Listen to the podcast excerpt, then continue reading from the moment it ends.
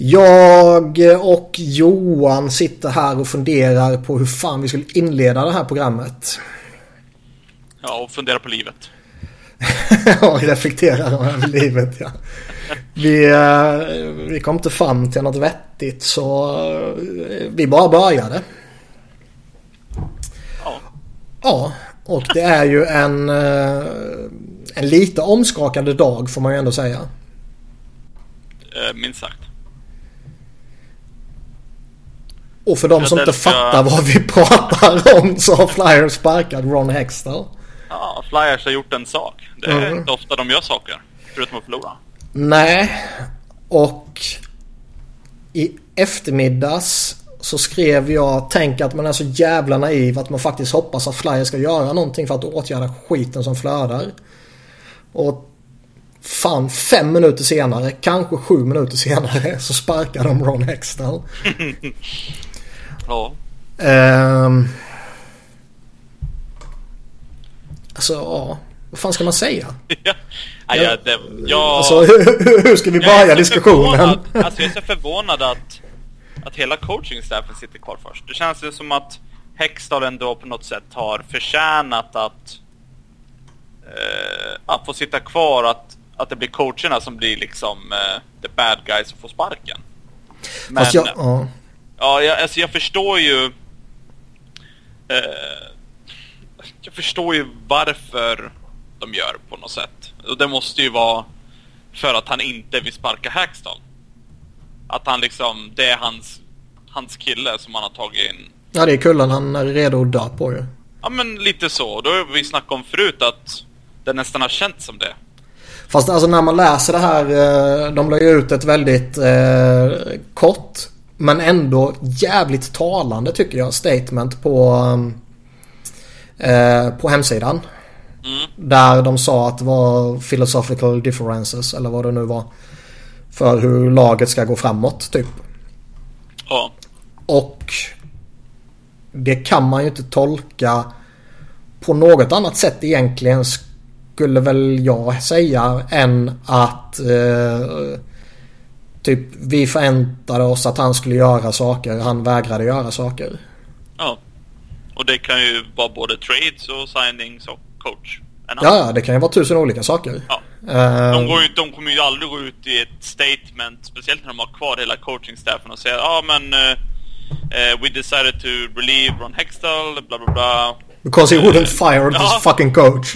Because it become clear that we did, he didn't want to fire his coach, so we fired him instead. ja. Det, det kommer ju aldrig hända. Så ja, Fast det är det de säger om man läser mellan raderna.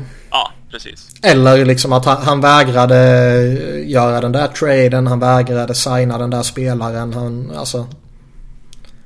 Sen kom det nu precis innan vi spelade in också så eh, sa ju den eh, 27-åriga Frank Saravelli som ser ut att vara 67. Är han 27? Nej, men han är eh, omkring 30 bara. Okej. Jag tänkte jag är 27. Ja. Nej, men han är alltså i min ålder. Och han ser ut att vara hur gammal som helst. Men eh, han skrev ju att eh, Dave Scott hade en väldigt central roll i att Hextall fick lämna. Och det var inte bara eh, upp till Paul Holmgren att, att ta det liksom. Och vi, eh, alltså du och jag här och många andra också för den delen har ju ifrågasatt lite hur The Chain of Command ser ut. Hur involverad är Dave Scott? Vem är det som bestämmer? Är det han eller är det Homer? Eller Precis. är det till och med Hextall liksom? De har ju i princip inte gjort någonting sen, alltså, sen Ed Snyder dog och de tog över, alltså Dave Scott och Comcast. De har ju i princip inte gjort någonting. Mm. Eh, så man har ju inte vetat. Det har ju bara varit spekulationer. Ja, exakt. Så nu står det ju rätt tydligt ju vad som faktiskt händer när någonting händer. Eh, jag kan inte se att Dave Hackstall överlever det här. När en ny GM är på plats. Nej. Det tror Eller inte jag kan heller. se. Jag skulle bli sjukt förvånad om det skulle ske. För det känns, jag tror att anledningen till att man inte sparkar han nu tror jag är, har att göra med rent, alltså typ logistik inför matchen som kommer, som spelas redan imorgon. Ja. Det Fast- kan ju vara som så att de till och med oberoende på resultat, om vi ser de uppkommande två matcherna som var eh, innan det blir ett långt break där. Att de Mm. har bestämt att ja, de två matcherna och sen så kicken liksom. För de går in nu i ett, ett väldigt, väldigt lugnt schema. Där de spelar mot, mot Ottawa här tisdag natt. Sen spelar de mot Pittsburgh lördag natt. Och sen spelar de inte igen förrän torsdag. Ja. Det är ju väldigt bra om, om det kommer nu. Jag tror inte du kan hitta ett bättre tillfälle att göra en coachförändring förutom när de har den här bye-weeken. Nej, exakt. Och tit- tittar man på deras eh, schema nu hela vägen fram till slutet på januari där när det blir lite... eh, vad heter det? All-star-skit och sånt där. Ja, precis. Så är det ju inget längre uppehåll förutom den här perioden som kommer nu. Så Ja. Och rimligtvis tycker man ju att det är... Alltså ska man göra någonting så borde det ju underlätta under en sån här period tycker man. Ja. Men jag kan ju tänka mig att... eh, Ja, de har ju sagt att de ska arbeta mot en ny GM och vi... Vi kan väl avvakta lite med att spekulera i vem det kan bli men... Eh, man tycker ju att när han är på plats oavsett om det sker imorgon eller om det sker om en vecka. Så är det ändå ingen panik att vare sig ha han på plats eller att ta ett beslut om coachstaben. Nej. Och när jag menar panik så menar jag liksom att det, det måste ju ske. Det kan ju inte ske om två månader. Nej, Utan- precis. Men liksom man måste inte lösa det idag. Om man däremot skulle sparka till alla coacherna idag. Så var man tvungen att lösa någonting till imorgon. Och du löser ju inte en ny... Ska... Ja, du löser ju inte en ny coach utan att ha en ny GM på plats. Nej. Om det inte är så att du ger eh, interim coach-jobbet till någon av de assisterande eller AHL-coach eller whatever. Eller om du tar in Quenville som är lite... är, han är inte bara en coach, det är liksom en av de bästa någonsin och vunnit massa Stanley Cups. Det blir lite... Fast han tar han jobbet utan att veta vem som kommer vara hans GM de kommande fem åren. det är ju en helt annan grej. Jag bara tänkte mer så generellt sett på om du tar in en sån coach som har så pass bra CV. Då blir det ju lite annorlunda än om du ska ta in någon typ AHL-coach. Jo, jo. Typ en... eh, Ja, Todd Nelson eller nu är han assisterande i Dallas men... Vet han i Marlies Keefe? Sheldon Keefe. Ja. Eller alltså nu händer ju inte det mitt under en säsong kanske men... eh, Just Quenville som utan jobb så tror jag att en GM, om vi säger att de tar in Ron Francis som det spekulerades om. Mm. Så tror jag inte att om, om Quenville skulle vara på plats säger vi. Så tror jag inte Ron Francis kommer in och bara nej men Quenville det, det funkar inte. Nej, nej, verkligen inte. Är han Nej. på plats, det, det kan ju Han till och med... Ja, nej, absolut. Skulle han nu vara på plats så är ju det givetvis... Eller givetvis, förmodligen en sak som attraherar en ny GM också. Borde det göra i alla fall. Det tror jag nog. Hade det gjort för mig om jag var, Oh ja. eh, skulle vara GM. Men som sagt, jag, jag, jag kan inte tänka mig att han tar ett jobb utan att veta vem som kommer vara hans chef de, de kommande åren. Mm. Det skulle vara konstigt. Åh, jo. Men om man kom... Ja. Innan vi går vidare med eventuella ersättare så kan man ju blicka tillbaka lite på vad det är som Ron Hextall har gjort. Ja. Och tittar man på de stora grejerna han har gjort. Alltså eh, stora rekryteringar om man säger så. Så är det väl egentligen bara JVR. Vad är det största andra om man tänker rent spelarmässigt? Det är väl typ Gudas. Ja. eh, Eller? Han har gjort en, han har ju liksom, så- Han har gjort en del stora grejer. Men då har det varit spelare, alltså Braden Chen. Men jag menar liksom stora rekryteringar. så Ja, är det ju typ Radko Gudas som är hans bästa trade. Ja. Det, för mig när jag tänker på Ron Hextalls tid som GM så är det liksom två olika delar. Du har eh, fri, liksom fria upp cap space och draft-delen. Mm. Det är en del som man har gjort liksom 10 av 10 jättebra. Och sen har du den här delen med att signa spelare och vilka spelare du tar in och eh, ta på dig ja, men Lechteres kontrakt och Hartnell-traden och sånt där som har inte varit något bra alls. Även fast man liksom just Hartnell-traden har man ju förstått varför och sådär. Mm. Så det är lite så här två olika världar och sen att han inte gör förbättra målvaktssidan hamnar ju i den kategorin också. Mm. Och sen sista kategorin som jag hade lagt in på den dåliga sidan det är ju att LaPerriere har varit kvar alldeles för länge. Enkelt sett så skulle väl jag sammanfatta han med draft och allt annat. Där draften har varit jävligt bra. Väldigt framgångsrik. Han har varit utomordentligt fin på eh, sätta en ny prospect pool på plats. Ja. Och allt annat har ju varit jävligt mycket upp och ner. Mm. Trades har varit blandats eh, hej vilt med bra grejer och genialiska grejer med liksom hur han kom bort från Vinilla Cavalier till exempel. Ja. Hur han kom bort från Grossman Pronger. Hur han eh, liksom skickar iväg Mark Strite och får någonting för honom.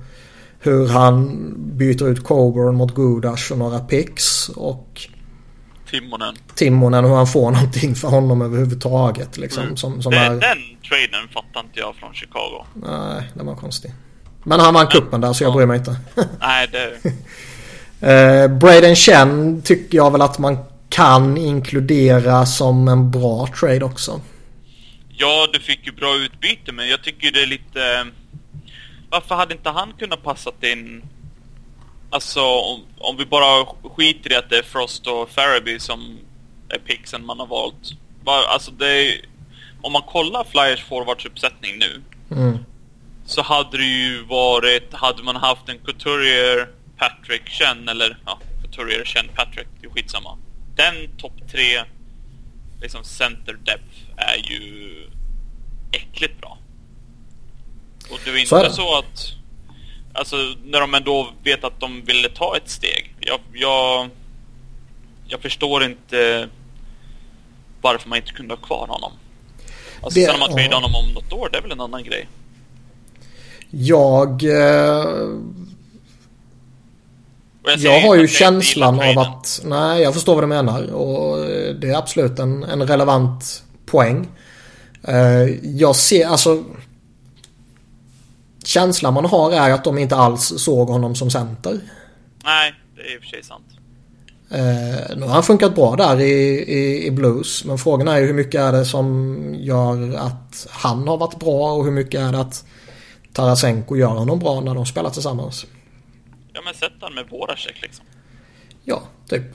Ja, Men det kändes som att liksom, jag- tycker att när han spelade för oss så var han bäst som right-winger eller som center. Ja. Men det känns som att de hade bestämt sig för att han är left-winger och inget annat. Det är bara i typ nödfall som vi sätter honom någon annanstans. ja.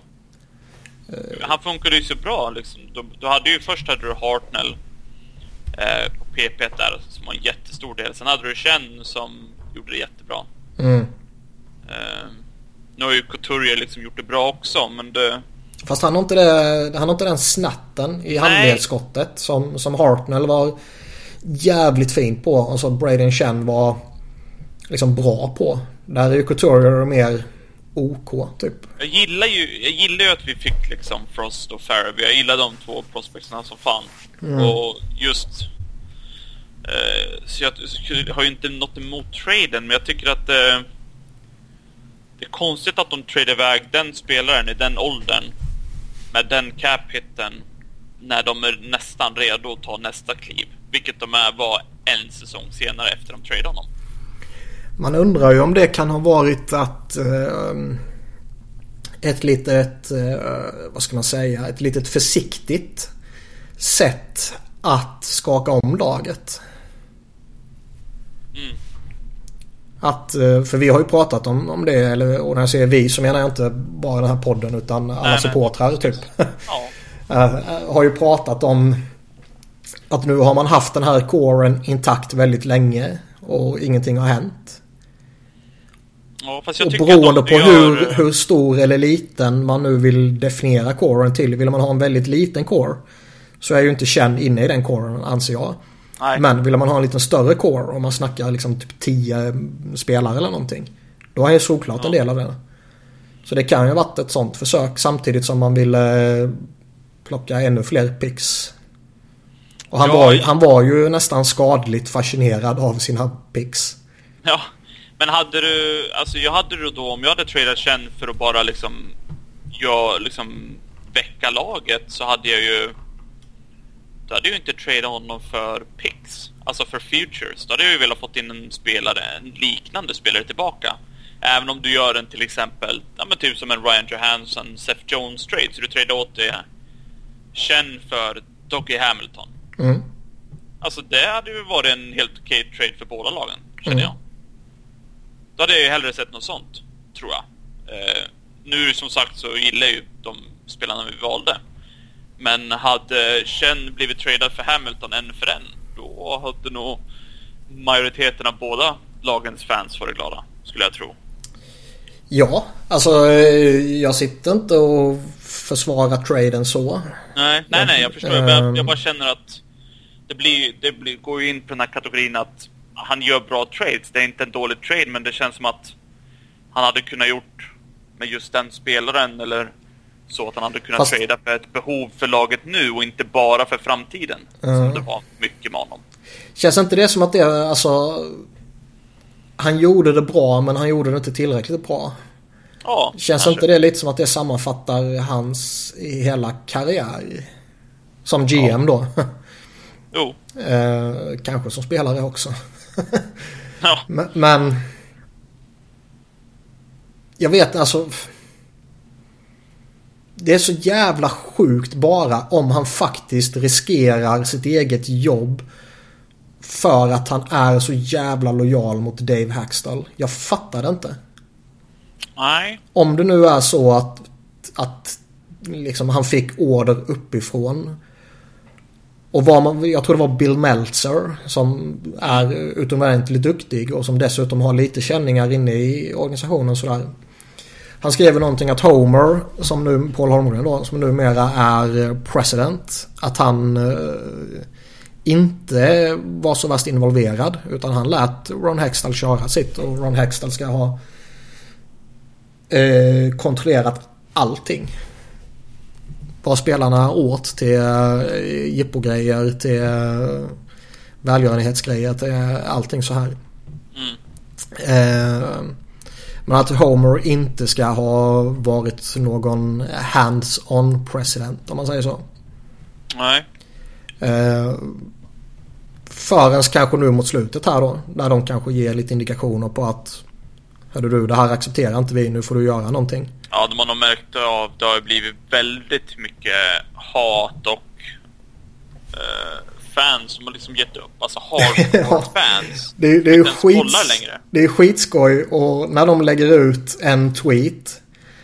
Det kan vara om vad fan som helst. Ja, det kan det vara en matchrapport. Det kan vara inför matchen. Fights cancer, liksom. Det kan vara någon, ja exakt, någon sån där jättefin grej. Och så bara hat, hat, hat, Ja. Och det har ju växt och växt och växt på Ja. sen, senaste två åren. Det tror jag i och för sig att de kanske skiter i. Hur, hur det, liksom, vilka svar de får på Twitterkontot.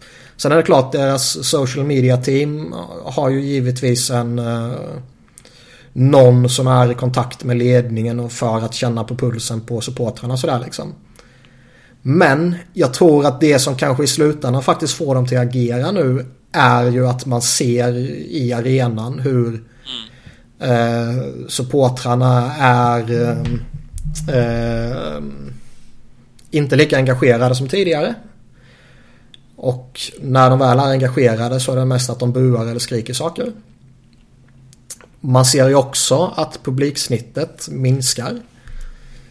Nu är det ju i och för sig, det är inte så att det har gått från vad är det, 19 500 till 13 000 utan har kanske Nej. gått till 19 000. Ja, Eh, då så ända sedan han tog över som GM så har det ju varit de har kastat in liksom saker på isen. Senast i Toronto var det en Flyers-tröja på isen. mm, Eh, de har blivit utbuade, alltså på, eller i väldigt många matcher. De har, det har liksom varit dött i arenan, det har varit mindre folk. Eh, liksom allting liksom har visat att de är missnöjda. och biljett, Missnöjda biljettpriserna har sjunkit. Det var ju Dan Silver eh, la ju ut i, jag tror det var igår, att nu är det dyrare med parkeringsplatser än att köpa en matchbiljett. Ja, Man kunde få en matchbiljett för 10 dollar. Eh, det är rätt sjukt. vilket, vilket är snuskigt billigt liksom. Och parkeringen kostade 13 dollar.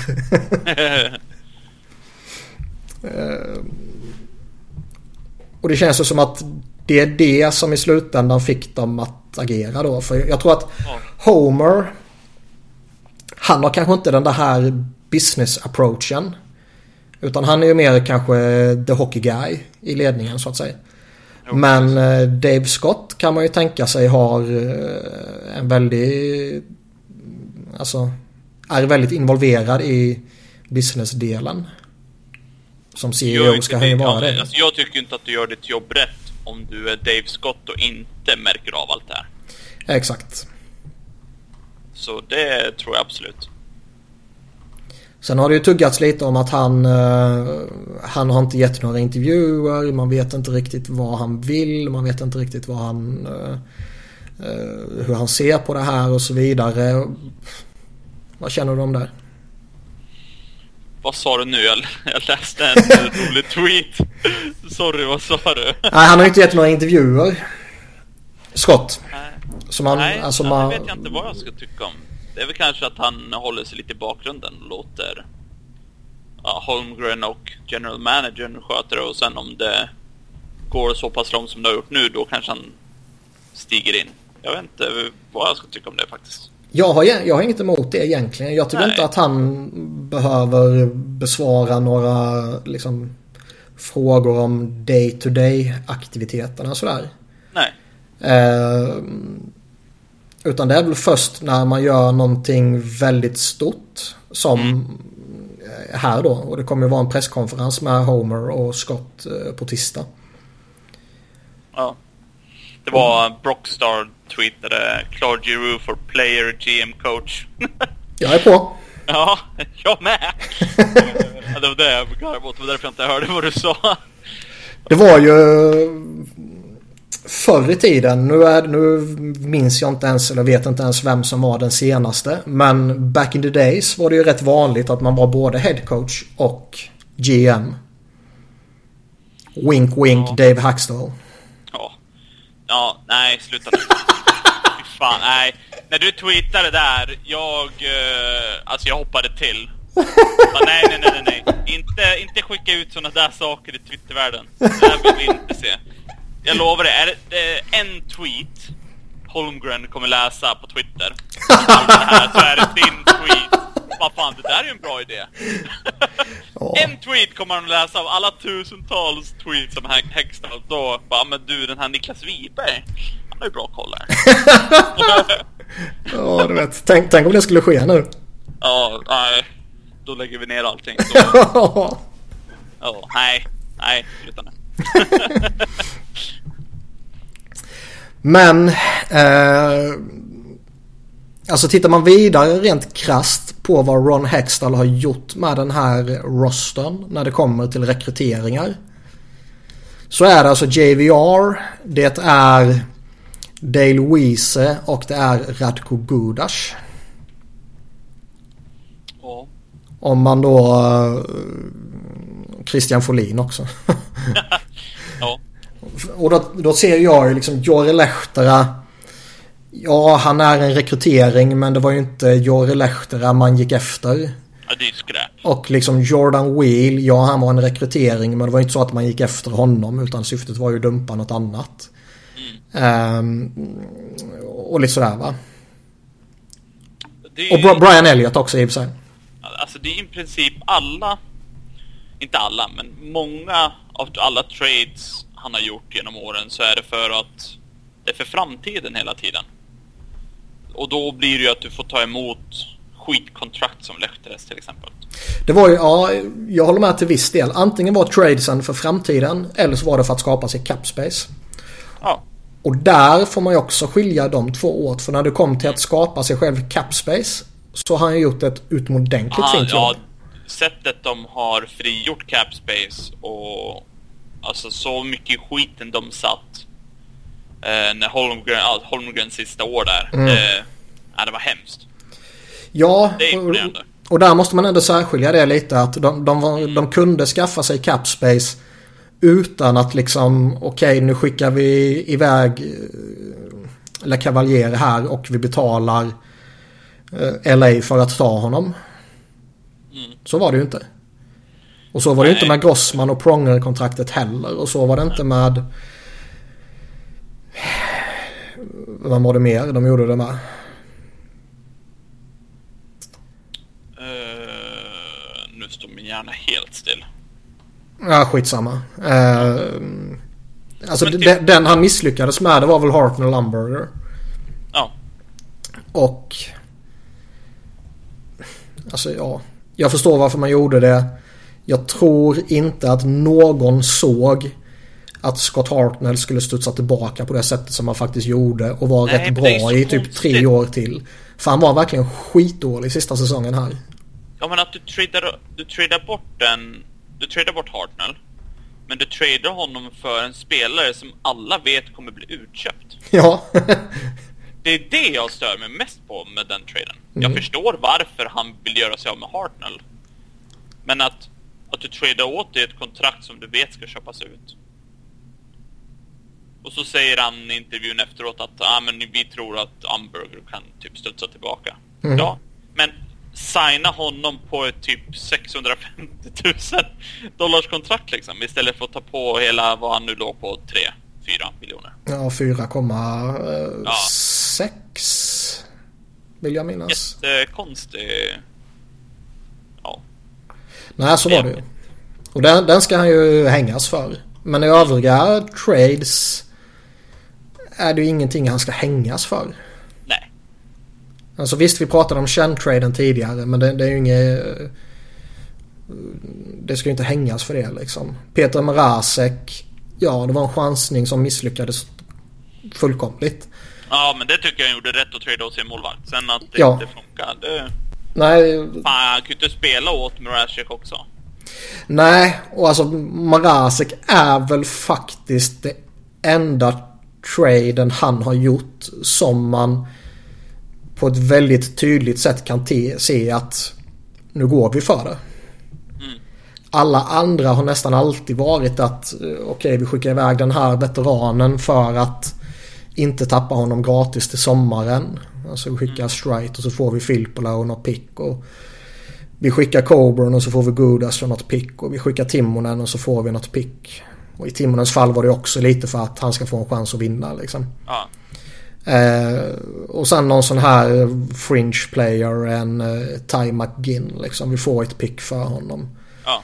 Eh, Cooper Marudi, han kommer inte signa för oss. Vi får ett pick för honom. Lite sådana där grejer. Jo, jo. Men det var Det, liksom... det är mycket blandat.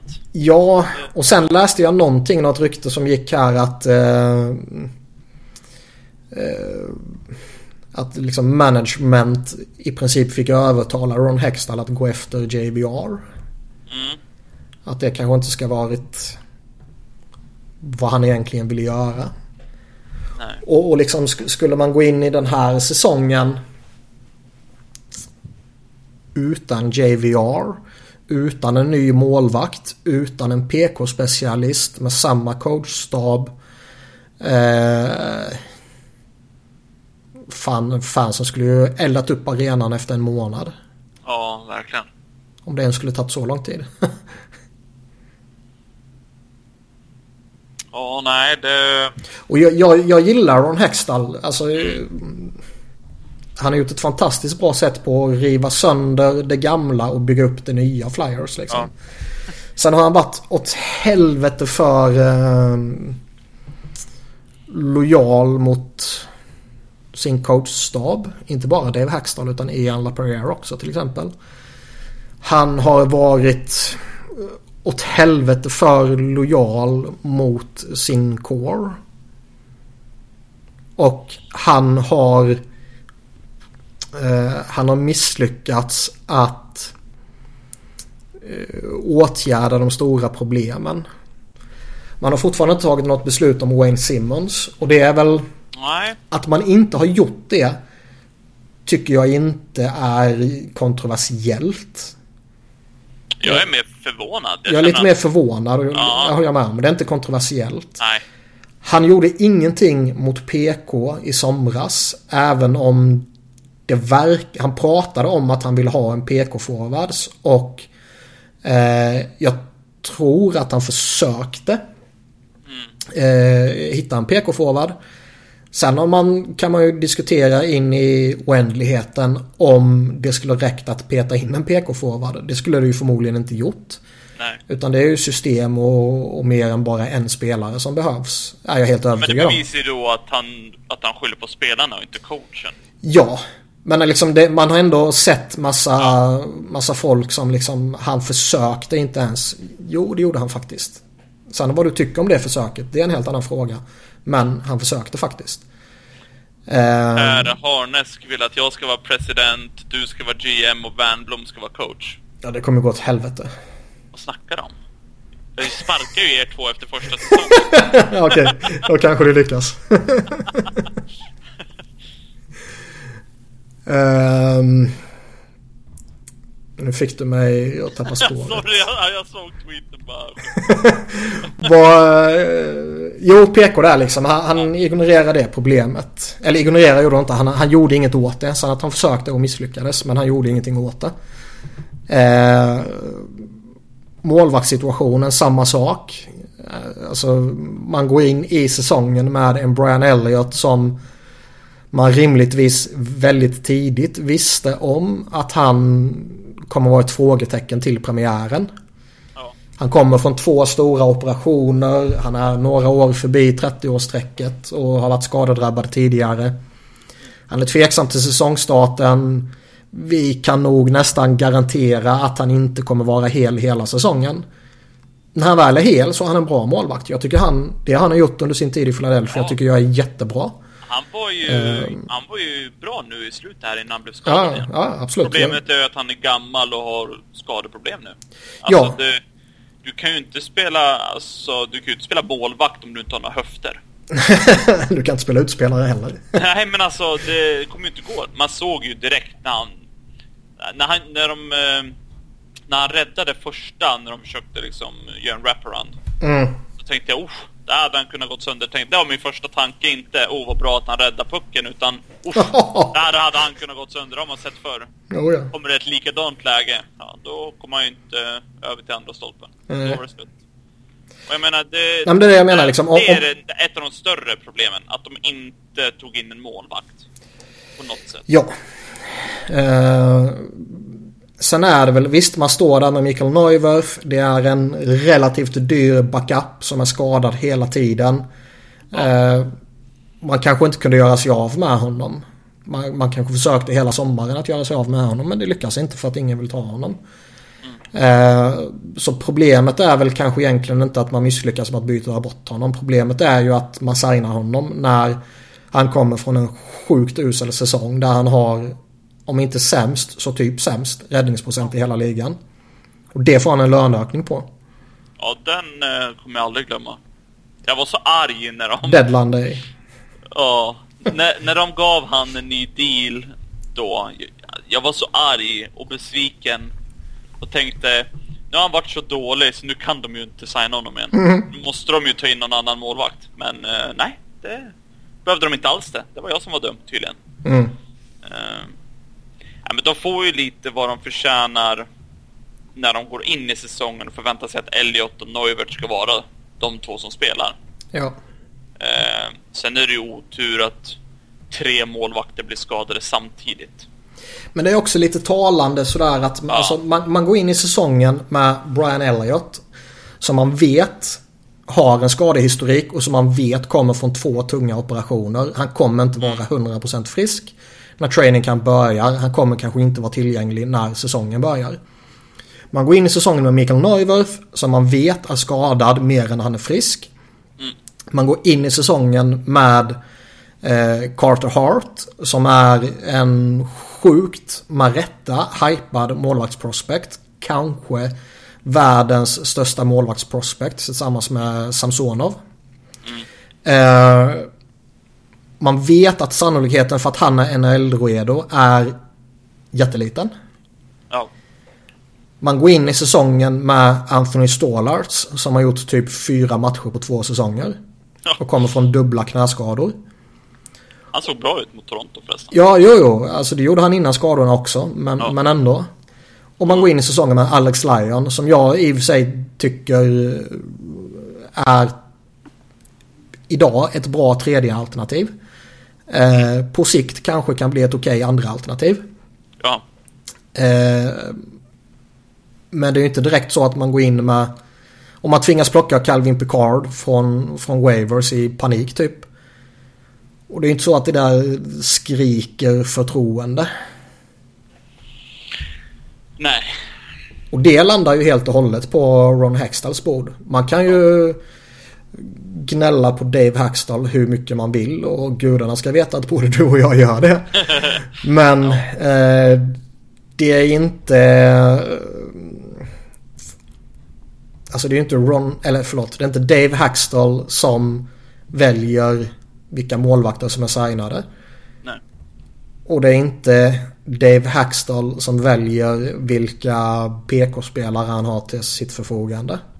Precis. Det är vad det verkar som inte Dave Hackstall som väljer vilka assisterande coacher han har till sitt förfogande. Nej. Även om han i den frågan förmodligen har någon form av um, vad heter det? Influens typ. Mm. Utan Precis. Alltså på, på, samma sätt som man jag brukar säga att Dave Hackstall är inte det stora problemet på isen. Men de flesta problemen på isen kan spåras tillbaka till honom. På samma sätt kan man ju fortsätta med den eh, diskussionen att ja då spåras det ju ett steg upp också till Ron Hextall givetvis. Jag var bara så chockad att det var han. Nej, jag såg det inte alls att det skulle hända. Nej. Jätte, alltså man, man när det var så toktyst hela söndagen så, så började man fundera lite liksom fan någonting är nog på gång. Eh, jag kommer ihåg att även under eh, den här förlustsviten på tio raka de hade. Så var ändå Ron Hextall ute och backade Dave Hextall. Ja. Han... Eh, He's our coach. Ja, och, och liksom det var först när han gick ut och bekräftade att han inte skulle få sparken. Som spelarna typ liksom, jaha då får vi börja anstränga oss igen. Mm. Och han har inte riktigt sagt det mot slutet här liksom. Och i synnerhet inte efter matchen i, i lördags när, när det kändes som att Fan nu måste han sparka honom eller backa honom. Ja. Och han gjorde Nej. ingenting. Då kändes det som att fan någonting kanske kommer här.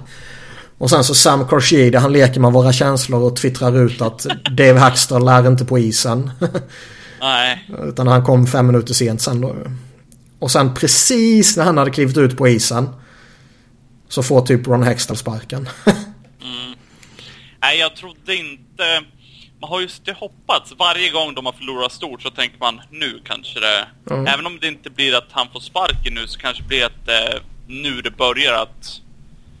Eh, det, det kändes som att det, liksom, det blev lite varmt under... Eh, eller så på stolen för Hagstall när de innan de drog ut på West Coast-trippen där. Mm. Och sen så gick de såklart och vann en massa games. Så då tänkte man, hopp, nu sitter han säkert ändå i ett par månader till i alla fall. Ja, det var exakt vad man kände efter Rangers-matchen också. Ja. Och så Rangers började med 4-0 och såg jättebra ut. Så tänkte man, hopp, nu kommer det ta ännu längre tid. Och så kommer den här matchen. Och då tänkte jag, nu. börjar det nog... Eh, kommer inte någon få sparken så kommer det komma en trade. Ja. Eh, och det kanske blir en Simmons trade, det kanske bara blir något litet, typ en wheel eller någonting. Jag vet inte. Men... Eh, eh, jag trodde inte de skulle sparka Hexal. Eh, Alla runt omkring sig, han har liksom alla liksom TSN och om du vet Sportsnet, alla bara med Hexel gör ett bra jobb och det är liksom Ja. så det har sett ut runt om i ligan. Så det kommer lite uh, out of the blue. Våran vän Charlie O'Connor på The Athletic skrev ju en eh, väldigt träffande typ krönika i, igår. Där han eh, liksom beskriver lite vilken eh, eh, alltså vilken mentalitet som organisationen alltid har haft. Att vi försöker alltid vinna. Vi kommer inte acceptera att det är mediokert. Vi kommer alltid försöka göra någonting. Sen har inte det alltid inneburit några positiva grejer och den mentaliteten har förmodligen gjort att man inte har vunnit sedan 75. Ja, Men det har också gjort att man bortsett från typ en handfull säsonger nästan alltid har varit ett slutspelslag. Och i väldigt många fall har varit någon form av contender också. Och liksom det har man sålt in till hela sin supporterbas sen man grundades på 60-talet i princip. Ja, Fram till de sista åren.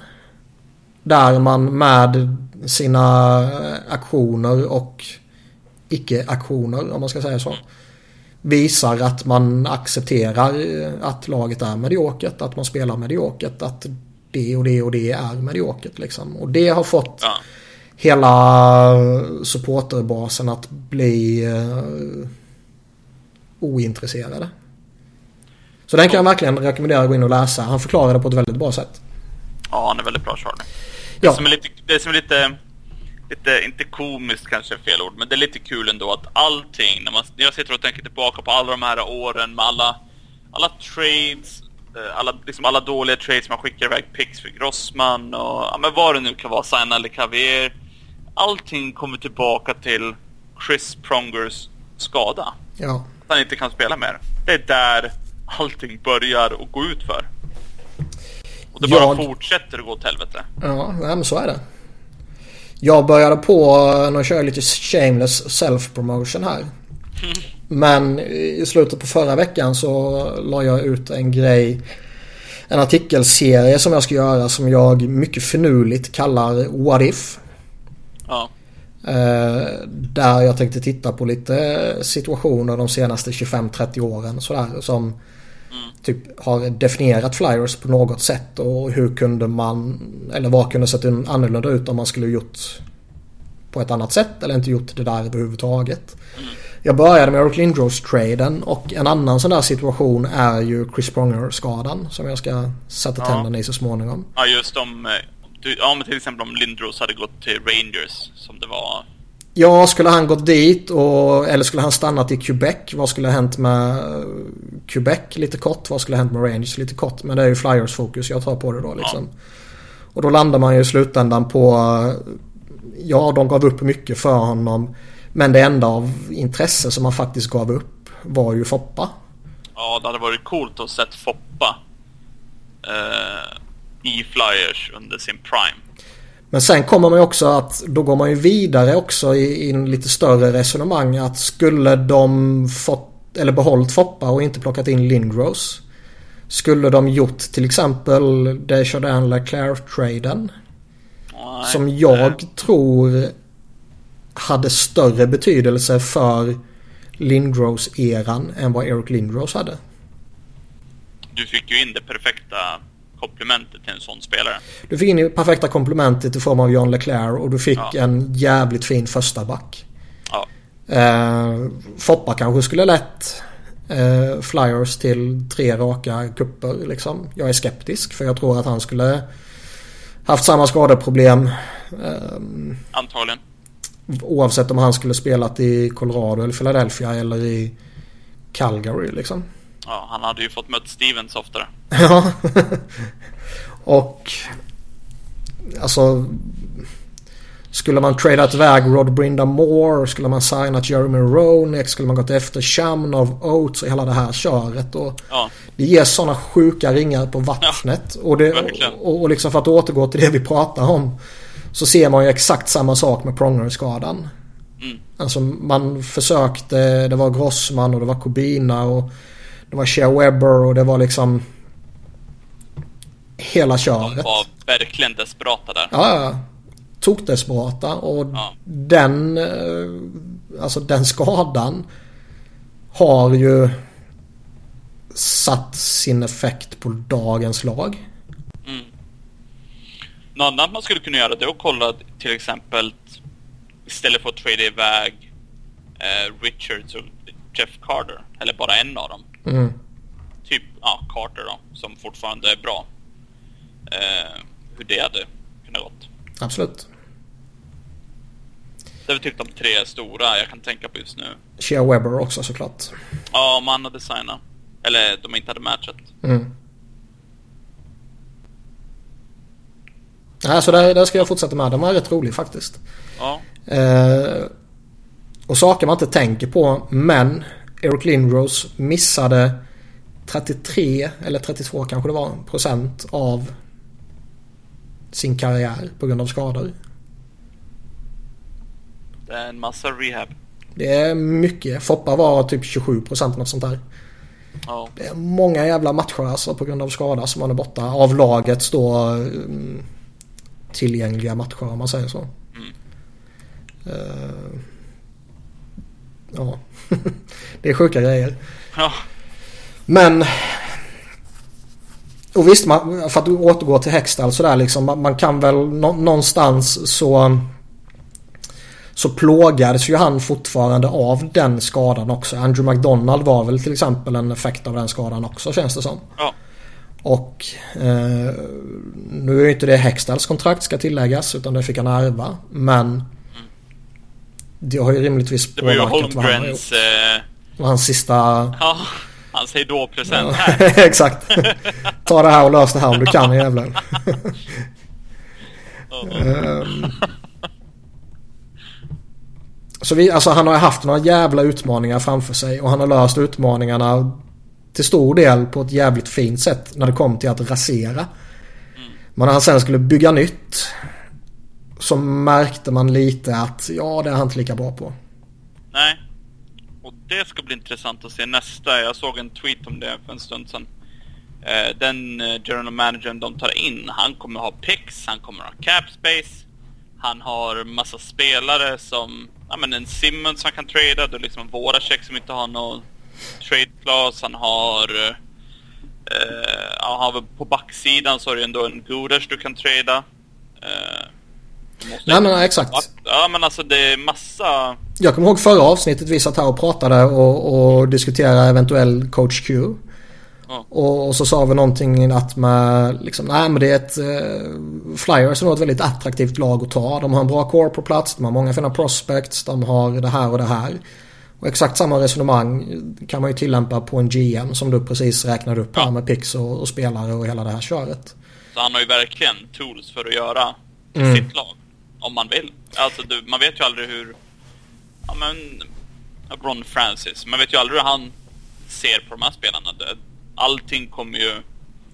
Även om de tar in en ny tränare så blir det att tränaren och general manager måste kolla igenom hela laget och så sätter de... Det blir ju rankningsordning i princip. Mm. Vilken kategori kommer Jordan Wheel hamna i? Han kanske ses som en AHL-spelare. Ja, så är det. eh, och så vidare. Så det ska, När vi det ska bli ändå... väldigt intressant. Ja. Det känns som att vi har en, en jävligt lämplig övergång till eh, ersättare nu. Mm. Det var ju Darren Dreger har jag för mig som slängde ut det först. Att eh, Chuck Fletcher och Ron Francis är två heta namn till att börja med. Sen såg jag eh, Hockey Central at Noon sa Danny Breer. Ja, och jag har sett någon slänga ur sig Garth Snow, vilket ju Ja. vore förödande. Nej, då tar jag hellre de andra två kan jag säga på en gång. Ja, de två tycker jag är... relativt liknande, intressanta ändå. Ja. De har ju varit lite lika som Hextall. Och liksom det har varit patience och det har varit liksom in med prospects.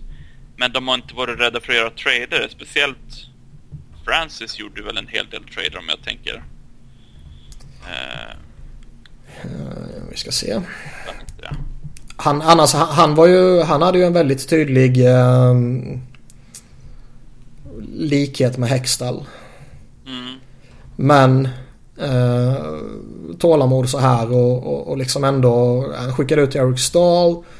Han gjorde Terravainen-traden. Han plockade in Scott Darling vilket i och för sig eh, misslyckades. Ja. Han eh, testade Eddie Leck som inte riktigt funkade. Han mm, gjorde den här Marcus Kryger-dealen där han skickade in och ut honom. Eh, och sen här då... eller nej, när fick han sparken? Gjorde han Hamilton och Skinner? Det gjorde han inte väl? Nej. Det är eh, han den nya. Den nya, Don. ja. Don. Det var ju tur det i alla fall. Om vi ska få honom. Ja. Så han gjorde några grejer och sådär och påminner lite om Hextall. Och jag har ju rätt vettigt öga till honom faktiskt. Ehm, Fletcher tycker jag också ändå gjorde det OK när han var i, i Minnesota. Mm. Eh, och, och liksom försökte någonting. Han försökte jävligt hårt med Ryan Suder, Zach Paris och allt sånt här. Sen så funkar väl inte det för dem kanske. Och kontrakten har Han visat sig ju- vara sådär. Ja, han är ju eh, senior advisor hos Devils. Ja. Jo men det är väl, vet, man, man tar in någon Ja, polare för att han behöver en lönecheck. jo precis. Som Ron Hextall gjorde med Dean Lombardi till exempel. Ja. Men jag tycker ändå han gjorde ett, eh, ett bra jobb i, i Minnesota. Sen uh, smattade det att han har en Pittsburgh-historia bakom sig. Mhm. Den är inte rolig. Nej, Eh. den är smutsig. Men Ja. ingen människa är perfekt. Eh, jag tycker, ja. Jag attraheras lite av honom. Av de namnen som har slängt ut. Om man bara pratar eh, etablerade namn. Ja. Så är det nog Fletcher som är den som lockar mig mest.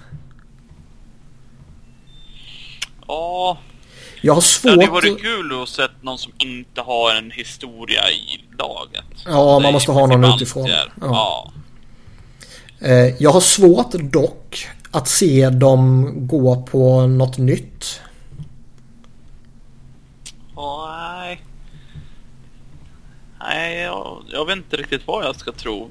Det känns ju inte Det var som nå- en, något förslag, typ. move om det är han som väljer, vilket det verkar som. Ja. Men typ Mark Hunter var det någon som föreslog. Vilket jag tycker att ja, det är lite intressant. Det tycker jag. Det satt jag också och funderade på. Han fick lite eh, bra med, vad heter det? Eh, bra kritik när han var i Toronto här liksom. Och, eh, blev ju utfasade där när de valde Kyle Dubas istället. Vilket eh, givetvis inte betyder att han var dålig bara för att de valde Dubas. Nej. Eh, men det känns lite som att Jag tror inte Flyers gör det. Tror inte jag heller. Jag tror, jag tror de vill ha liksom stabilitet och de vill ha någon som har gjort det här tidigare. Eh, för att ta laget in i, i nästa sekvens eller vad man ska säga. Ja. Och då känns det som att Mark Hunter inte är aktuell. Jag tror dock att det finns vissa undantagsfall. Och det är ju former players. Mm. Det är någon som har föreslagit Chris Pronger till exempel. Den hade Jag intressant. Han får ju inte skit direkt. Jag Men skulle jag ju... någon som vad han tycker. Jag skulle ju få erektion direkt. Ja. Det hade varit kul att se. Men jag vet inte om det är rätt move. Nej, det vet inte jag heller, men det hade varit kul. I vilket fall som helst. Oh ja, oh ja. Och han, är, han groomas ju ändå. han groomas ju ändå så att säga in i den rollen. Han har ju den ambitionen. Sen är det väl kanske lite för tidigt efter typ ett halvt eller ett och ett halvt år i den rollen. Jag minns inte. I fucking jävla Florida. Ja. Eh, samma sak med Danny Briere. Kanske lite för tidigt. Även om det också är en jävligt likable fella. Han, han- om, när de tar in Breer och så tradar han Jiro och Couturier som han har liksom haft. Sina baby pets typ. Bara payback. Det fick ni för att ni inte städade. du minns den här gången du, du tog ut soporna? Vi hörs. Du, du, är- du är tradad till åtta va? Var det kul? Men... Eh, det känns... Intrycken man får är att Homer inte kommer ta det själv. Det är några, det är, det är några som har skrivit att nej, han kommer inte göra det. Eh, kanske att han tar det säsongen ut om de inte hittar någon nu. För det, man har väl, vad man har läst och lite så här så ett GM-byte under säsongen ger sällan jättestor effekt. För just den här säsongen då. Eh, och man tycker ju att rimligtvis borde kanske alternativen vara, vara större eh, under sommaren än vad de är i november. Det kan ju också vara lite så här att vill man gå efter någon assistent GM någonstans så är lagen mer eller mindre redo att släppa han i november än vad de Nej. är i... Är coacher. liksom. Alltså, ja. Det är ju samma som med coacher. Ja. Så man kan väl tänka sig kanske att Homer, om han tar det så är det kanske om de inte hittar någon nu och så kör han säsongen ut och sen så går de på en riktig jakt där och då. Men då känns det lite som att ja, men då kommer du inte sparka coachen nu heller. Nej, jag vill ju... alltså, Vi alla, jag tror vi båda, vi vill ju in liksom coach Q. Ja. Och för att det ska hända... Så, jag tror ju som vi snackade om lite förut, att jag, jag tror ju att de inte kommer att... Jag vet fan inte. Jag, jag känner att de kanske inte kommer att kicka coacherna förrän de har valt en GM. Nej, om det inte är så att de, eh, de måste ha dem till matchen imorgon. Och när de har spelat den jävla matchen så försvinner de. Ja. Nej, det är kul i alla fall att det händer saker. Och att det blir massa intressanta saker som kan hända. Det här är ju bara början. Nej men exakt, säga vad man vill om beslutet att offra Ron Hextall. Men det visar i alla fall att man vill någonting och att Ja. man inte accepterar den här skiten. Vilket... Alltså det är ju inte bara veckor, det är ju månader som man har känt så. Till och med år kanske om man vill vara Ja, riktigt det jävla är nog kritisk. år, ja, år två. Det är väl förra säsongen Mm. man känner att ja, det här kommer inte gå någonstans. Nej, lite så. Och nu visar de i alla fall att de vill någonting och inte accepterar den här skiten. Och det, det är ju skoj att se. Och som du sa. Det känns som att de inte är klara. Får de en GM på plats inom kort så känns det som att han kommer vilja göra någonting. Antingen kommer han göra en trade. Eller så eh, kommer man hitta någon ny coachlösning på något sätt. Om det sen är Coach Q eller om det är Daryl Sutter eller om det är Scott Bardi Gordon. och Sutter tar de in. Ja, nu kör vi inte Kingsway. Ja, det skulle väl inte förvåna ett dugg. Och sen signar de Slava Vojnov. Ja, oj. Då du skulle du... Ja, jag hade i och för sig hatat på dem då också, men... fans och lag runt omkring i ligan hade ju inte varit så glada. Jag skulle inte bli förvånad om det blir Dean Lombardi. Nej, inte jag heller. Även, jag även om det känns Jag lite... kände att Dim Lombardi var bästa alternativet. Han har vunnit Stanley Cup, bla bla bla bla bla. Och han jag kan organisationen, bla bla bla. Ja, jag hade ju tagit två Stanley Cups med Dean Lombardi och sen fått skit igen och behövt rebuildat alla dagar i veckan kan jag säga. Mm. Två Stanley Cups, inga problem. Nu kör vi. Om det hade varit så då. Det är ju ingen garanti såklart. Men Nej, eh, det hade jag lätt tagit. Det gör väl alla? Ja. Så han får ju mycket skit Lombardi och det är ju välförtjänt. Men han eh, fixade ju ändå två kupper till dem. Ja, och det var väl egentligen först mot slutet som han gjorde lite konstiga grejer. Ja. Kanske har lärt sig att du ska inte signa spelare som är liksom 33 plus till långa kontrakt. Det är inte så bra. Och det första han kommer göra det är att signa upp Wayne Simmons när du säger så. Det Nu, är, nu är inte han 33 plus, men ändå. det är ju 7 gånger 7,5. Ja, typ. typ. Nej, men det känns som att det, det, det är på... Det är ett rätt logiskt alternativ, tror jag. Mm. Att eh, han finns tillgänglig, han är redan i organisationen och han känner folket och så vidare och så vidare. Men det känns ju lite som att han var Ron Hextalls gubbe. Att det var Hextall som Ja. plockade in honom för att Hextall ville ha hans... Eh, ja, ha honom som konsult typ liksom. Ja, det är inte säkert att Holmgren liksom, ha, eller liksom håller honom högt. Nej. Och det är väl lite det som, just, just att vara Hextalls gubbe sådär, det är kanske det som gör att man känner att ja, det kanske inte är jätteaktuellt ändå. Och skulle, skulle det bli aktuellt så kanske det är för att tre andra tackar nej. Mm, så kan det också vara. Men jag, om, om någon tackar nej, jag undrar varför de gör det i sådana fall. Alltså ju, just när du tänker på vilket, alltså vad de har för lag. det kan ju vara att jag, jag, jag bor på västkusten, jag vill inte flytta därifrån. Jag vill inte plocka upp min familj från, från där de bor för att ta jobbet där när jag har ett OK-jobb här och sådana där grejer. Oh, så kan det ju vara. Det mm, namnet man drömmer om. Mm. Förutom Chris Pronger såklart. är ju Steve Eisenman. Ja, Det känns Det är sjukt eh, osannolikt. kasta pengar på honom. Snälla, bara kasta. Bara här, ta. Kasta pengar på honom. Ge han ett jävla privatflyg som kan flyga mellan Detroit och Philly hela tiden. Flytta, Eh. flytta Detroit till Philly. Gör, gör vad ni kan. Ka- Liksom Comcast fixa. Comcast har för fan pengar för att köpa hela Detroit så Ja, som typ förfallen som alltså. den stan är. Nej men alltså, det, det hade jag kunnat sett.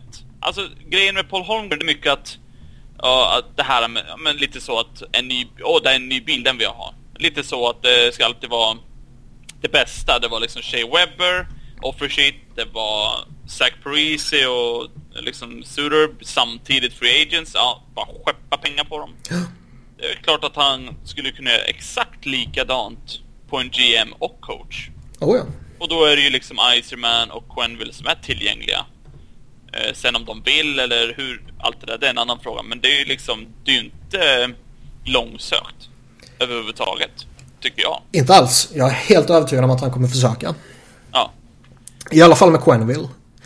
Iceman är ju ändå... eh, Där kanske man vill försöka men... Han tillhör ett annat lag så man kanske inte får tillåtelse att försöka. det är ju bara att kasta pengar. Kasta pengar funkar alltid. Jo, jo, jo men, men Ta- Tampa ska ju säga OK också. Ja, men kasta pengar på dem. Ja, det kan man göra. Ge, dem till, ge Gooders tillbaka till dem. Här. Visst, nu, nu kanske eh, han vill hem till Detroit och familjen Ja. där sägs det som. Men eh, Philly är ju avsevärt mycket närmare Detroit än vad Tampa är. Det är Sen kanske det fortfarande är för långt. Han kanske verkligen dig, vill eh, bo i Detroit. Ja. Tänker du dig Isermans situation i Tampa så är det ju lite... Visst, nu vann de ju aldrig kuppen Så att det är ju inte så att hans kapitel där var klart på något sätt. Men ändå, de har liksom laget på plats. De är i princip bäst, ja, topp fem i ligan varje år. Mm. Hur bra deras lag är. De har massa prospects. Så på ett sätt så är det lite, "Jaha, vad ska han göra nu då? På, alltså för att förstå vad jag menar. Att han har ju Ja, liksom gjort det mesta förutom att ha vunnit. Så han kanske vill ha en ny utmaning och då är ju Detroit såklart. Eh, Det är en utmaning. ja. Just för att det är hans gamla lag och så att de är just i skiten. Ja, men eh, om jag tittar på Detroits organisation idag och jag tittar på Philadelphias organisation idag. Och visst nu är man flyer men det finns ju bara ett alternativ om man tittar rent eh, objektivt på vilka möjligheter det finns där och vilka möjligheter det finns där. Sen givetvis att eh, han är Detroit. Det påverkar givetvis. Eh, ja. Han har familjen i Detroit. Det påverkar givetvis. Det är så logiskt att han ska ta över efter Holland. Ja. Det är liksom, ja. Det är ju så det kommer bli antagligen. Eklund, I have another update on the flyers coming up. Jag såg det. Nu, nu kommer trades. Nu jävlar. Han breakade ändå Richards Carter. Ja, den lever han på fortfarande. ja. I och för sig det hade jag också gjort när det är en så pass stor trade. Oh ja, oh ja. Har vi något annat sånt där GM-alternativ som vi eh, har kommit på? Eller som vi känner för? Uh... Det känns ju inte som att det är alltså Chris Pryor eller Barry Hanrahan som är assistant GMs idag. Känns ju inte eh, aktuella. Nej. Chris Pryor är ändå lite intressant. Han har ju... Hans roll i organisationen har ju liksom trappats upp mm. nu. Uh, han var väl bara scout och sen blev han... Han var scout, sen blev han director of scouting och sen blev han director of player personnel och assistant GM. Precis, så att eh, då, hans roll har ju hela tiden ökat. Mm. Men det är egentligen under Ron Hextall som det verkligen har ökat. Ja, det är sant. För han har ju... Jag har Men frågan är då om det är Holmgren som har velat ja, det är Hextall. ha Hextall hållit med bara? Det är Hextall. Vad det verkar som så har ju Hextall fått fullt ansvar. Och Homer har klivit åt sidan och, och ändrat sig åt andra saker. Och Chris Pryor, jag har ju haft förmånen att få åka på några JVM och har träffat Ron Hextall och, och snackat med honom lite och sådär. Och Chris Pryor har ju de, de två har ju alltid varit tillsammans liksom. Ja, så du menar att du och Hexi är lite, ni är lite polare? Ja. Som du och Gretzky? Ja. Fan, jag känner jag sitter här med en kändis. Ja, ja. Du vet, jag, jag är rätt så betydelsefull. Ja. I'm kind of a big deal. Eller vad är det han säger, Anchorman? Gretzky kallar dig the greater one. exakt, exakt. Men, um, ja, nu tappar jag dem igen. Ja, sorry. Det... Jo, nej, för det, då känns det som att Pryor kanske var Hextalls guy också. Ja. Uh, och jag säger inte att han är dålig på något sätt. Han verkar ha ett, eh, en stor del i Flyers draftande de senaste åren. Eh, han verkar vara väldigt kompetent där. Men jag får inte GM-vibbar av honom. Nej, det får inte jag heller. Det ska bli just det här med att, du, att Hextall har liksom haft full kontroll på allting och att Holmgren inte har varit med på någonting egentligen. Det ska bli kul att se hur mycket som... Homer går loss igen. ja men alltså hur mycket som kommer ändras runt om organisationen. Allt från alltså målvaktstränare, scouter, Chris Pryors eh, roll, liksom allting. Mm. Inte nu på en gång kanske, men alltså att det kommer att under en viss tid att det kommer att bli massa förändringar. Ja. Eh, det ska bli... Eh, ska bli intressant att se. Vi har ju en sån som Dave Brown som är Director of Professional Scouting. Ja. Men det känns inte heller som en GM. Nej. Även om han har varit i lite olika roller så här rätt länge. Vilket uh, tråkigt alternativ det hade varit. Mm. Bobby Clark. ja. Alltså ge det till Eric Lindros. nu jävlar. Så tar han in... Eh, Renberg och Leclerc som assisterande. alltså Renberg som eh, den under det typ Director of Personnel eller någonting. Nej Renberg har ju, han har ju utbildat sig har för mig till typ eh, sjukgymnast eller något sånt här. Det är taget. Det är ju bara att signa upp honom. Ja, det är... Vi, vi breakar det här på podden. Ja. Ja, sjukt.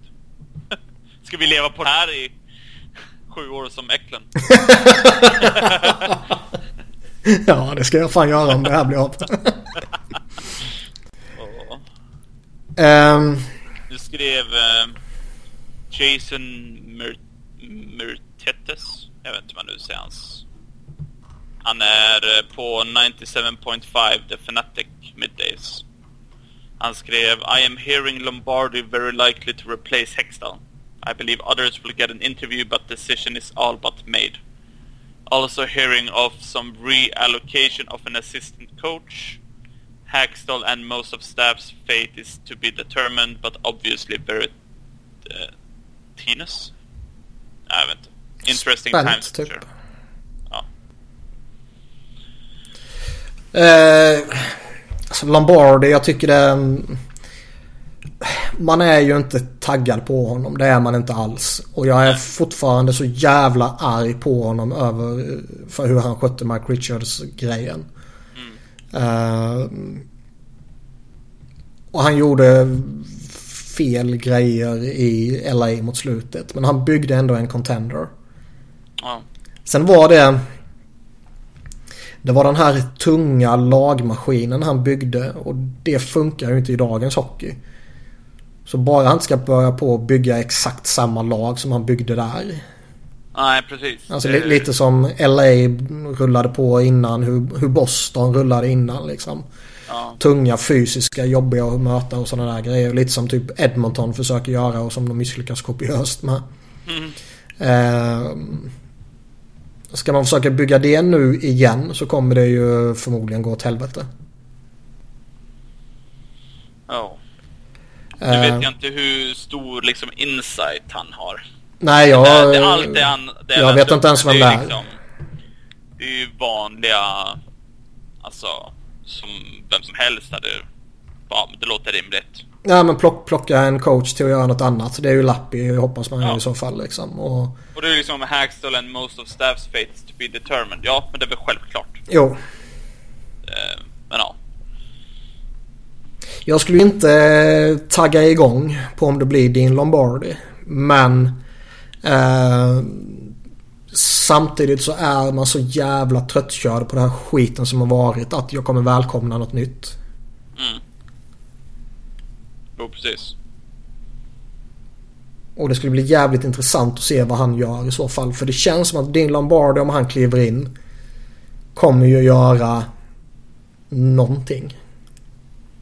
Ja. Och det kommer förmodligen vara en veteran move om man säger så.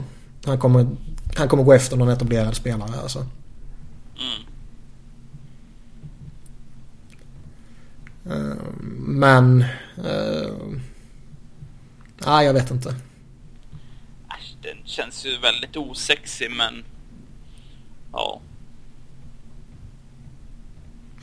Om vi tittar på, gå ett steg till då och tittar på eventuella coacher. Mm. Blir det din Lombardi så känns ett telefonsamtal till Sutter eh, rimligt. Men det kanske bara är eh, lat eh, lazy Man, journalism. man, att drar ju en, man drar en connection helt Ja. enkelt. Eh, det hoppas jag verkligen inte. Eh, Quenville är ju rimligtvis aktuell oavsett vem som kommer. Alltså aktuell så tillvida att man hör sig för hos honom. Sen fick vi både Mike Joe och Todd McLellan eh, tillgängliga här förra eller förra, förra veckan eller vad det nu var. Vi har Scott Gordon i AHL som känns eh, mindre sexig men eh, han kan i alla fall sätta ett PK. Ja. Det hade ju bara där. Fan, igen jobbet. ja, li- lite så. Fan, jag är en PK-coach. Sen har vi ju Todd Nelson. Den tycker jag är jätteintressant. Det är ju... Som han- väldigt många vill få till exakt det du säger. Jätteintressant. Eh, hans, hela hans filosofi är ju liksom det är attackera liksom det här och liksom verkligen mala sönder motståndare. Mm. Det är ju lite den hockeyn jag vill Flyers ska spela. Det är liksom, jag behöver inte att det bara ska vara massa liksom, skillgubbar som är liksom 1,78. Utan du, spelar, du ska kunna spela snabbt men det ska vara liksom Det ska vara jobbigt. Och det, det känns som att när Flyers spelar nu, det är inte jobbigt att möta dem. Nej. Och då menar jag inte att de ska åka runt och tacklas och dumpa och jaga. Absolut inte.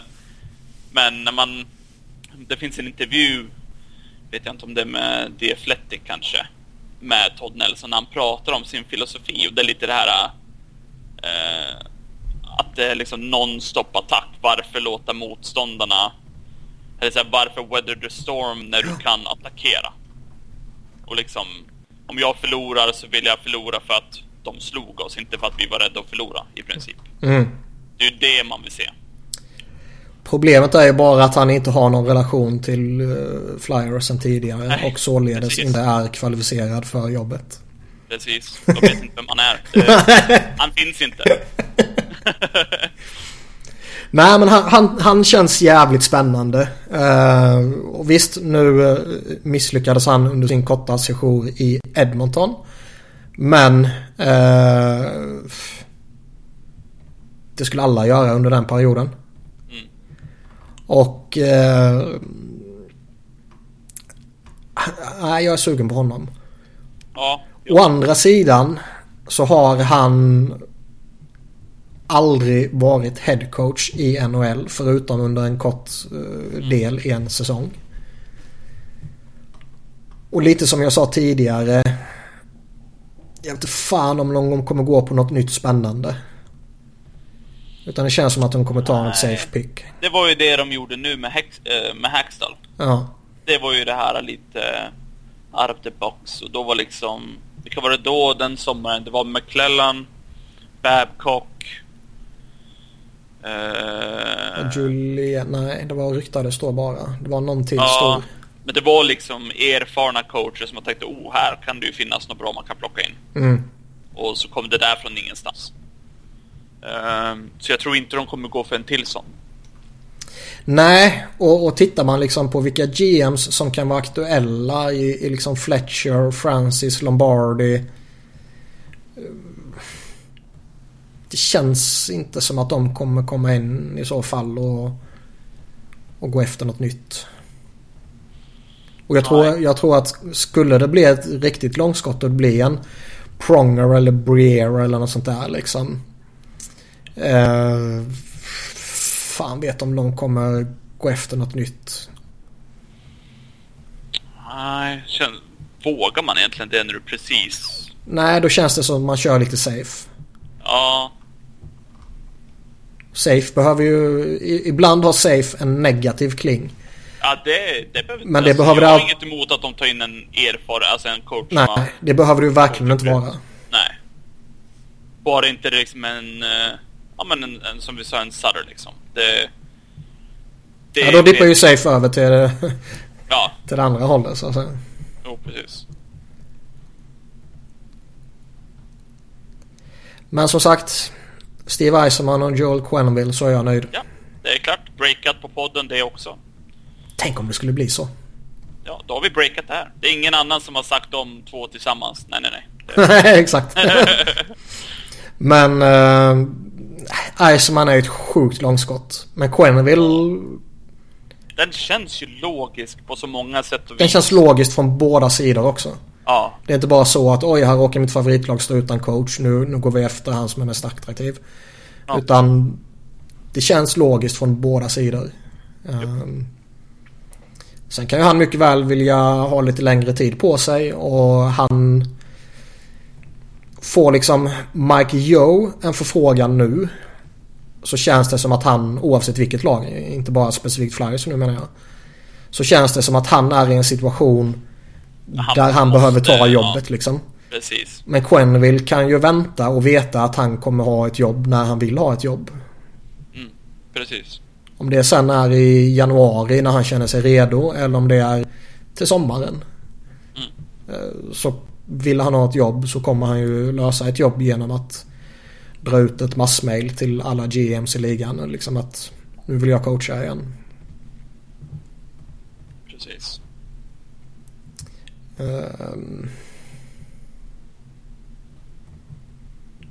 Men nej, Quen- Quenneville känns ändå... mm, Fan, det vore så Fan, gött. jag vill ha Quenneville alltså. Sen är ju, han är ju inte perfekt på något sätt. Samma saker som vi har, som vi varje dag nästan gnäller på angående Dave Hackstall har ju Quenneville ofta gjort samma sak i, i Chicago. Han, Han förlitar sig på den tunga veteranen på backsidan istället för att lira kidsen. Han eh, sätter upp en begränsad veteran i, i topp 6 för att fylla ut istället för att sätta någon talangfull spelare där och sådana där grejer. Men Alltså så fungerar coacher. Jag tror vi måste vänta in en helt ny generation innan det kanske. Alltså din och min generation när, när de är 50-plussare. Ja. Och eh, är aktuella som headcoaches eller vad man ska säga. Jo, precis. Då, då kanske det är helt annorlunda. Men idag ser det ut på det sättet och det får man Du kan svälja. ta vilken coach som helst av om de, de fem bästa coacherna. Det är exakt samma i... Laviolette gör så. Eh, Babcock gör så. Quenneville gör så. Eh, Sullivan gör så. Eh, Galant gör så. Yt, yt, alltså ytterligare någon man kan nämna också. Ja. Problemet är ju vad man gör med allt annat. Och, och liksom om det... Om du gör så men du sätter allt det andra och du vinner tre kupper. Ja, då kan man kanske leva med det. Om däremot allt annat är totalt jävla kaos. Då är varje liten problem en del av det gigantiska problemet. Ja. Och det är det som gör att man inte kan tolerera Dave Hackstone. Nej, hade de eh, vunnit, eller de hade inte behövt, alltså att de visar ja, men, någon typ av framsteg. Då hade man ju liksom kunnat tolerera det. Ja, exakt. Men nu står vi här och stampar på exakt samma jävla ställe. Som man har gjort. Alltså man får ju vänta med lite, eller man får förvänta sig lite växtverk under de första två åren kanske. Mm. Då, då kan det ta lite tid. Man försöker rensa ut lite gammalt. Man eh, har en ny coach som ska sätta sitt. Man försöker eh, släppa upp kidsen och lite sådana här grejer. Ja. Allting kommer inte flyta perfekt direkt. Men nu är det ändå fjärde året. Och det har inte hänt ett skit. Det är samma grejer. Det är kanske till och med ännu värre ibland. Och, och liksom svaret på alla utmaningar, alla problem är ju som vi konstaterat tidigare. Det är ju att sätta in Dale Weese i laget eller ge han en större roll. Och Ja. Det känns ju sådär spännande. Men... Ja, du ser eh, ju fram emot när de ska möta Ottawa till och med. Ja, ja. Alltså det, det är som, som jag sa innan vi började här liksom att nu är man ju fan taggad. Eh, man är chockad, men man är taggad. Och eh, de visar att någonting... Att man gör någonting. Att Ja. man liksom inte är tillfredsställda med hur det ser ut. Nej, vilket har man har fått känslan av. Nu har ju varit spelare och coach och var en, all, de har alltid gått ut med det här, it's unacceptable. Och så Ja. fortsätter det som ingenting har hänt. Nej, exakt. Det, nej men vet de vad det ordet betyder? och det gör de ju nu tydligen. Bevisligen. Ja. Men om vi... eh, Drömmen, Iserman, Quenneville. Mm. Eh, mardrömmen. Oj. Uh, mardrömmen. Pierre Maguire, GM. Ja, det skulle jag inte säga. Alltså, det är ju må- det är många, jag bara läste nu på Twitter, det är många som så fort det nämns Lombardi så blir det liksom, åh nej.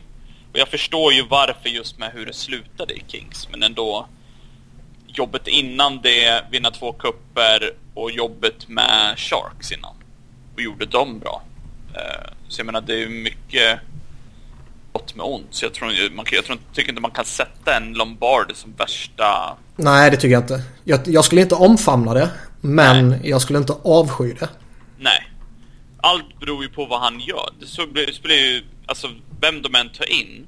Det kan vara liksom, kommer Pierre Maguire in och han gör allting liksom vi vill, att liksom trada Simmons och det blir en bra trade, han gör det där. Ja, En men det vet du ju inte kommer trade. ske. Nej men alltså du fattar vad jag menar. Det, eh, det blir ju liksom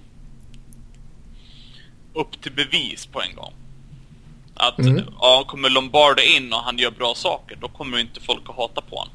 Nej. Men om det första han gör är att signa Wayne Simmons på 7 år, 7,5 eller whatever, då... då blir det nog lite panik hos fans. Jo, jo, så är det Men det skulle Ja. det bli även om Steve Eisenman gör det liksom. Ja, så är det ju. Men jag tycker inte han är mardrömsscenario. Definitivt inte. Nej, det är ju Pierre Maguire. Så Ja. Och som coach då? Ja, det är väl Sutter, tror jag. För mig. För mig är ju mardrömsscenariot att inte göra någonting. Ja, jag trodde du menade en ny coach. Okej. Okej, ja. okej. ja. Eh, ja. Eh, Där kan jag, där kan jag nog det- hålla med om. Scenariot är att de behåller Hackstall säsongen ut och sen kickar han i sommar och då tar in Sutter. Så att vi väntar hela säsongen och sen tar de in Sutter.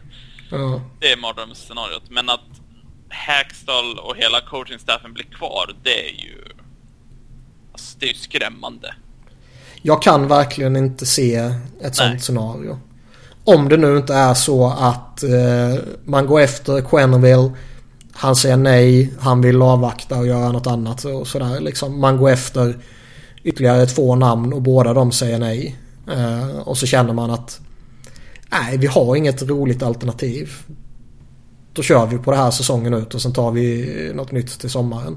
Jag kan leva med att Hackstall blir kvar om det betyder att Quenneville har sagt att ja, men efter säsongen. Ja. Eller till nästa säsong. Pro- Problemet är ju liksom att man kan ju inte kommunicera ut det. Nej, nej, så är det. Och vilket gör att vi inte kommer veta någonting. Vilket gör att man ändå kommer spekulera i att nej men de gillar faktiskt honom. Jo, ja, men nu har vi ju saker att spekulera i i alla fall. Det känns ju... Jo, det är sant. Man får ta en liten positiv sak i att ja, men nu kan vi... Så länge han fortfarande har jobbet Hackstall så kan vi spekulera i att de faktiskt tycker om han och då blir vi ännu argare. Även fast de kanske inte gör det utan de bara väntar på att säsongen ska ta slut. Eh, vi har snackat drömscenario, vi har snackat mardrömsscenario. Vad tror vi är det mest eh, sannolika scenariot då? Sannolika scenariot. Eh, någon gång nu, om det nu blir direkt efter Ottawa-matchen eller om det blir efter Pittsburgh-matchen. Så nu så tror jag att det kan bli något, att, att de kommer sparka dem då. Mm. Men då är frågan, har de redan pratat med Quenville till exempel? Eller någon annan coach? Eller ska de typ liksom Gordon och liksom interim coach? Vad, vad är planen? Det är det som är det att lista ut. Men jag känner att det är liksom, de, de lever på lånad tid just nu, coachingstaffen. Ja, och det, jag minns inte om vi nämnde det nu eller om vi sa det innan vi började spela in. Men han hade ju uttalat sig Hackstall. Sa vi det på den? Ja, eh, det vet jag inte. Det jag tweetade ut menar du? Ja, it has been made very clear to me what my role and my job is as we get into the near future here. That's where my focus is. Precis. Ehm,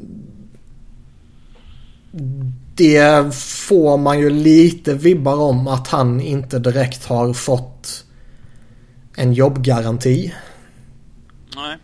Utan att det har sagts någonting att eh, nu sparkar vi våran GM här och eh, när vi har en ny GM på plats så får vi se vad som händer med dig.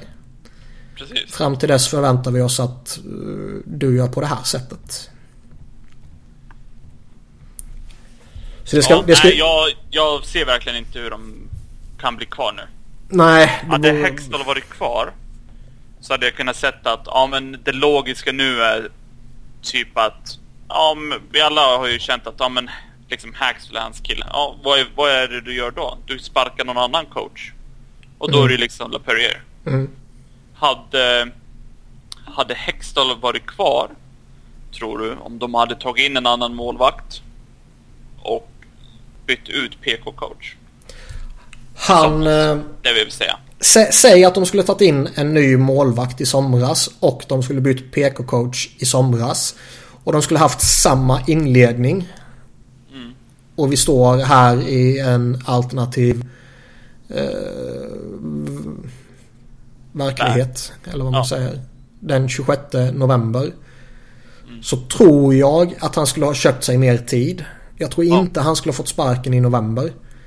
Eh, Utan ja, i, enkelt resonera, resonerat, inte resonerat. enkelt resonerat så tror jag att det är Ron Hextall som ser till att han själv får sparken. Mm. Han åtgärdade inte de uppenbara problemen. Han eh, var för lojal mot sin coachstab. Ja. Sen är det ju alltid den här liksom signa en PK-forward eller hålla platsen öppen för en Vorobjev till exempel. Alltså man vill ju ändå att de ska hålla platser öppna när de har draftat som de har gjort de senaste åren. Där har, där har vi också någonting man kan ta upp, just det här med Vorobjev. De, de har en öppen plats för liksom tredje centerplatsen. Han vinner den. Och på bara ett liksom, handfull matcher så har han tappat den och sitter fast i liksom i pressboxen. Mm. Och sen låter man sitta där om du... Vi ser, jag vet inte hur många matcher det var, men vi säger fem matcher. Det var ett par matcher. Och så förväntar de sig att han ska komma in som rookie. Och, och liksom göra en impact ja, det är också så jättekonstigt. Och då är det så, men vems fel är det? Är det liksom Hackstall, Hextall? Samma med Sanheim förra året. För, det är ju också ett stort. Sanheim skulle ju... Förra året skulle vara det han håller på med nu. Mm. Och då kommer det så här, ja, Hackstall eller Hextall är det båda två. Har de pratat om det? Det... De liksom skjuter sig i foten hela tiden. Ja, nej, det är konstiga grejer. ja.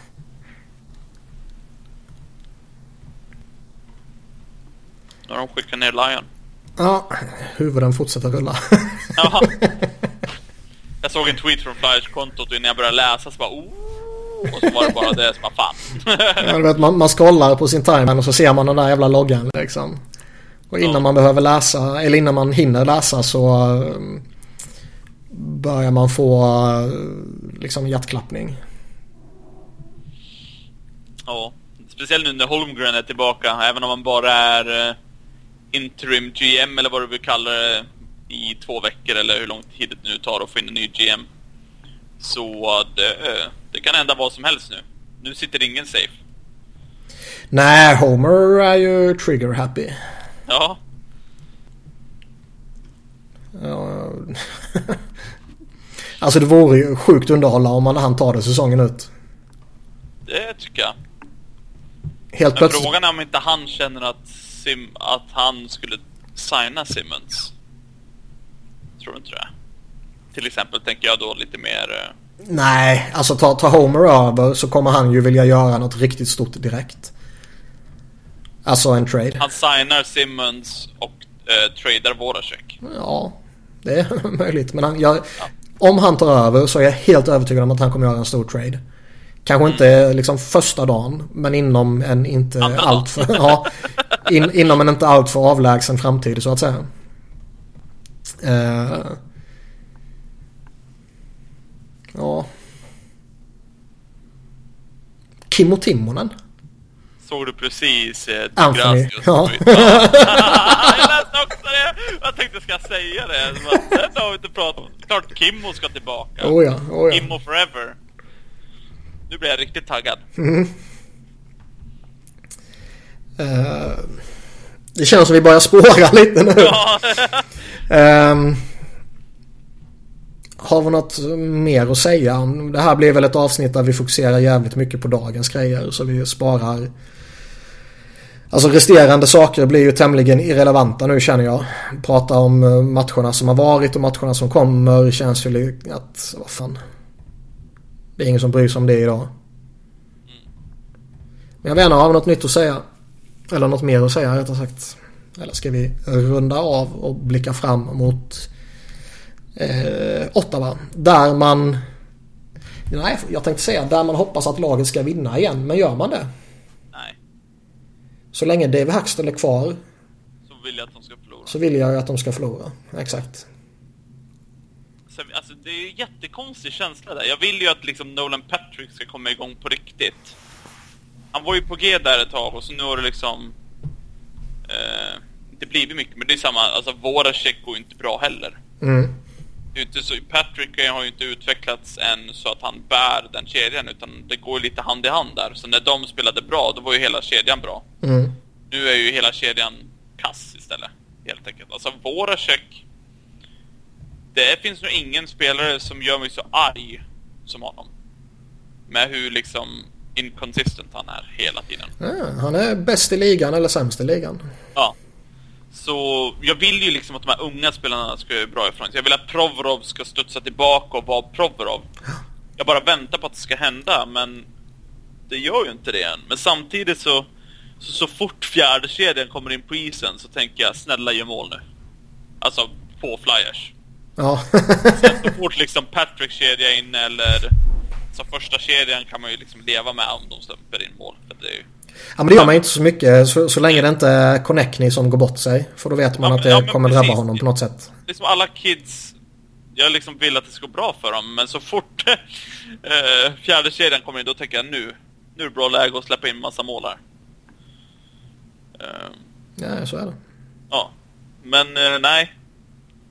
Fortsätt förlora tills Hack är borta. Kloka ord. Och eh, ja, jag kunde lika gärna sagt dem så. Ja. Men eh, vi rundar väl av där tycker jag. Och eh, när Dean Lombardi och Joel Quenneville står där som GM och coach så återkommer vi med ett nytt avsnitt. Ja. Och blir det inte dem så lägger vi ner podden. ja. Fast nu har vi breakat, så det... Renberg skulle vi ha också. Men gött, vi hörs nästa gång. Ha det.